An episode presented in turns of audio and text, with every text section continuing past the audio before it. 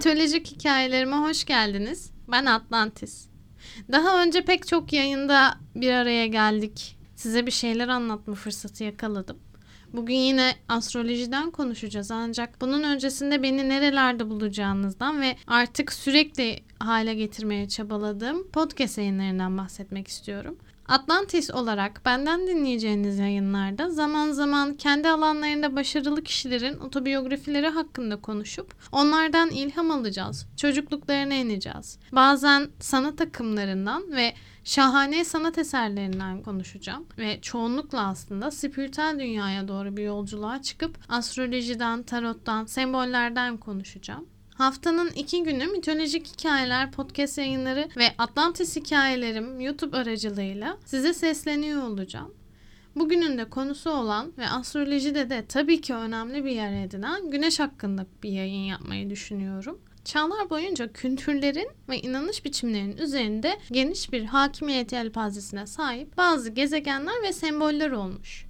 Gezegenlerin zaman zaman göklerde kaybolması, yeniden ortaya çıkması ya da tutulmalar yaşanması binlerce söylentiye, korkuya ya da müjdelere dönüşmüştür. Bu inanış biçimlerinin en etkilisi olan güneş de doğrudan Tanrı ile ilişkilendirilmiş. Gök tanrıcılık inanışların çoğunda da bu gezegen görkemi ve diğer gezegenlerin kanıtlanır nitelikteki hareketiyle sahiden tanrısal bir güçle ilişkilendirilir. Bu koskoca evrene verilen ad da zaten güneş sistemidir.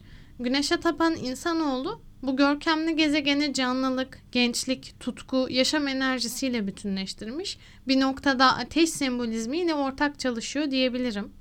Ancak aydan farklı olarak otoriter, ben merkezci bir arketip yarattığını da yatsıyamayız.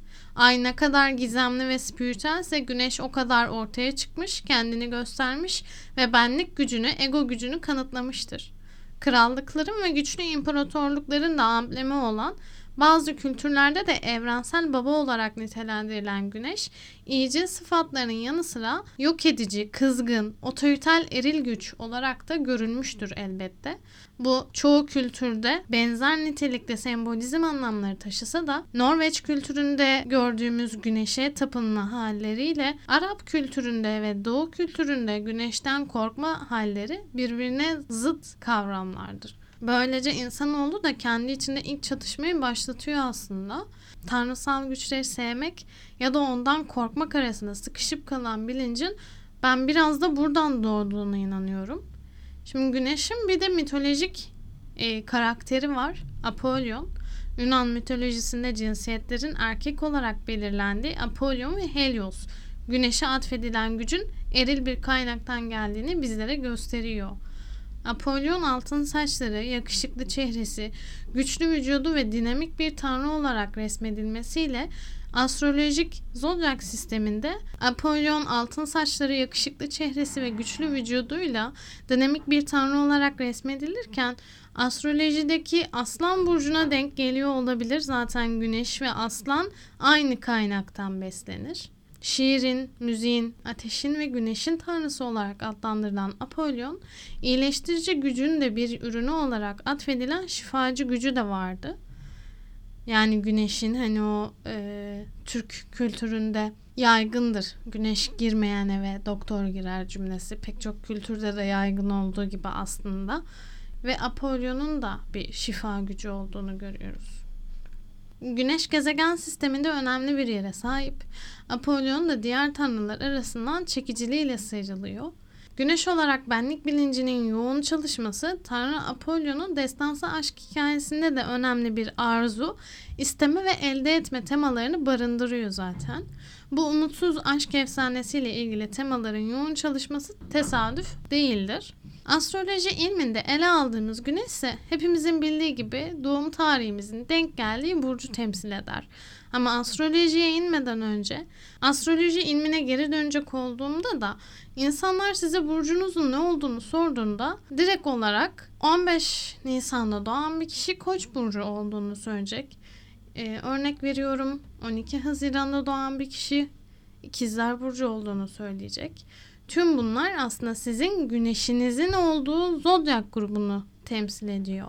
Arketipinde kahramanlık, kral gibi güçlü sembolizmler yer aldığından ve ay kadar yumuşak ya da içsel bir gezegen olmadığından hani o güneşin benlik kavramını güçlü olarak ortaya çıkardığından ötürü doğuştan gelen karakterimizin ağır basan yönünü, temel dürtülerimizi ve hayattaki temel konuları kişiliğimizin üst düzeyde geliştiği konu ya da alanları temsil ediyor. Haritalarda bulunduğu burç konumu da nasıl biri olduğumuzu, hayatı nasıl algıladığımızı gösteriyor. Ev konumu benliğin temel gelişim alanını gösteriyor. Örneğin e, benliğiniz yani güneşiniz ikinci evdeyse özgüveni yüksek, para kazanma konusunda hırslı, güçlü, otoriter olma arzuları, kendi parasını güçlü bir şekilde kendi kazanma dürtüleri olan bir kişi olabilirsiniz.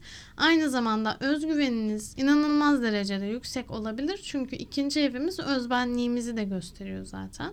Dördüncü evde yer olan güneş kendini daha çok aile ortamında, yuvasında iyi hissedebiliyor. Daha sezgisel ve daha e, içe kapanık bir güneşten bahsedebilirim burada. O yüzden ev sistemi zaten astrolojide çok önemlidir ama bunlara bir sonraki podcastlerimizde daha detaylı ineleyeceğim. Tabi sunduğu açılar, diğer gezegenlerle aldığı o karışık açılar da çok önemli faktörlerdir. Bu yüzden doğum haritasına biz parmak izi kadar özeldir deriz. Kısacası söylemek istediğim şey kendi benliğinizi en rahat sunduğunuz, konunun ne olduğu hakkında size çokça bilgi sunabilen bir gezegendir Güneş. Ve dürtüyle değil bilinçle hareket eder. İsteyerek e, ona gider. Güneştir çünkü yani bilinç üstüdür orası. Ve ego özümüzü tanımlar. Yani buradaki ego zararlı bir egodan bahsetmiyorum. Herkesin bir egosu ve onu da tatmin etme şekli farklıdır.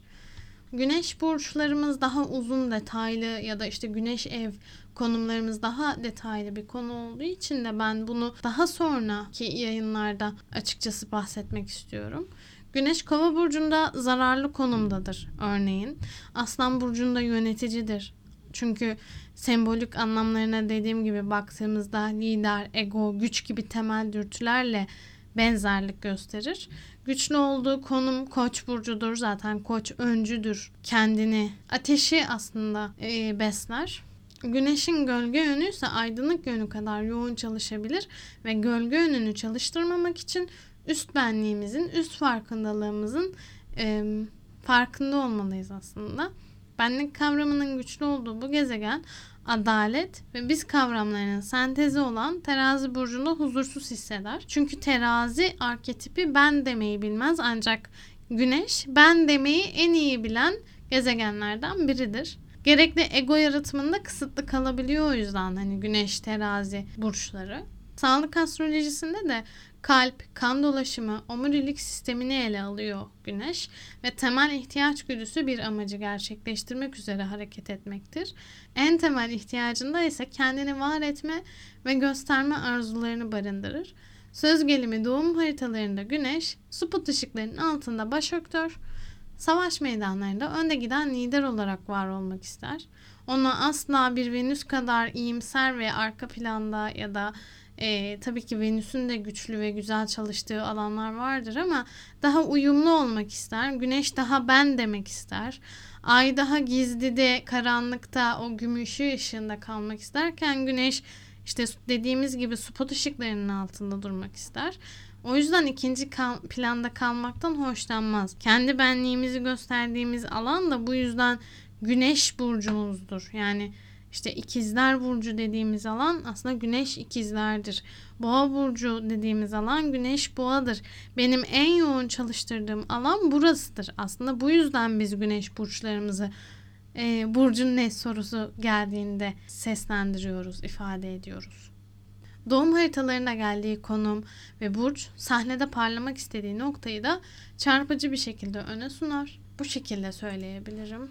Daha fazla bilgi edinmek isterseniz, bana bu kadarı yetmedi ben daha çok şey öğrenmek istiyorum derseniz sayfamız olan mitolojik-hikayelerim.com'a ya da benim Instagram adresime açıklamalarda bıraktığım Instagram adresime ulaşabilirsiniz. Zaman zaman orada burçları açıklıyorum. Zaman zaman gündemden e, bir şeylerden bahsediyorum. Şimdilik Kendinize çok iyi bakın. Hoşçakalın.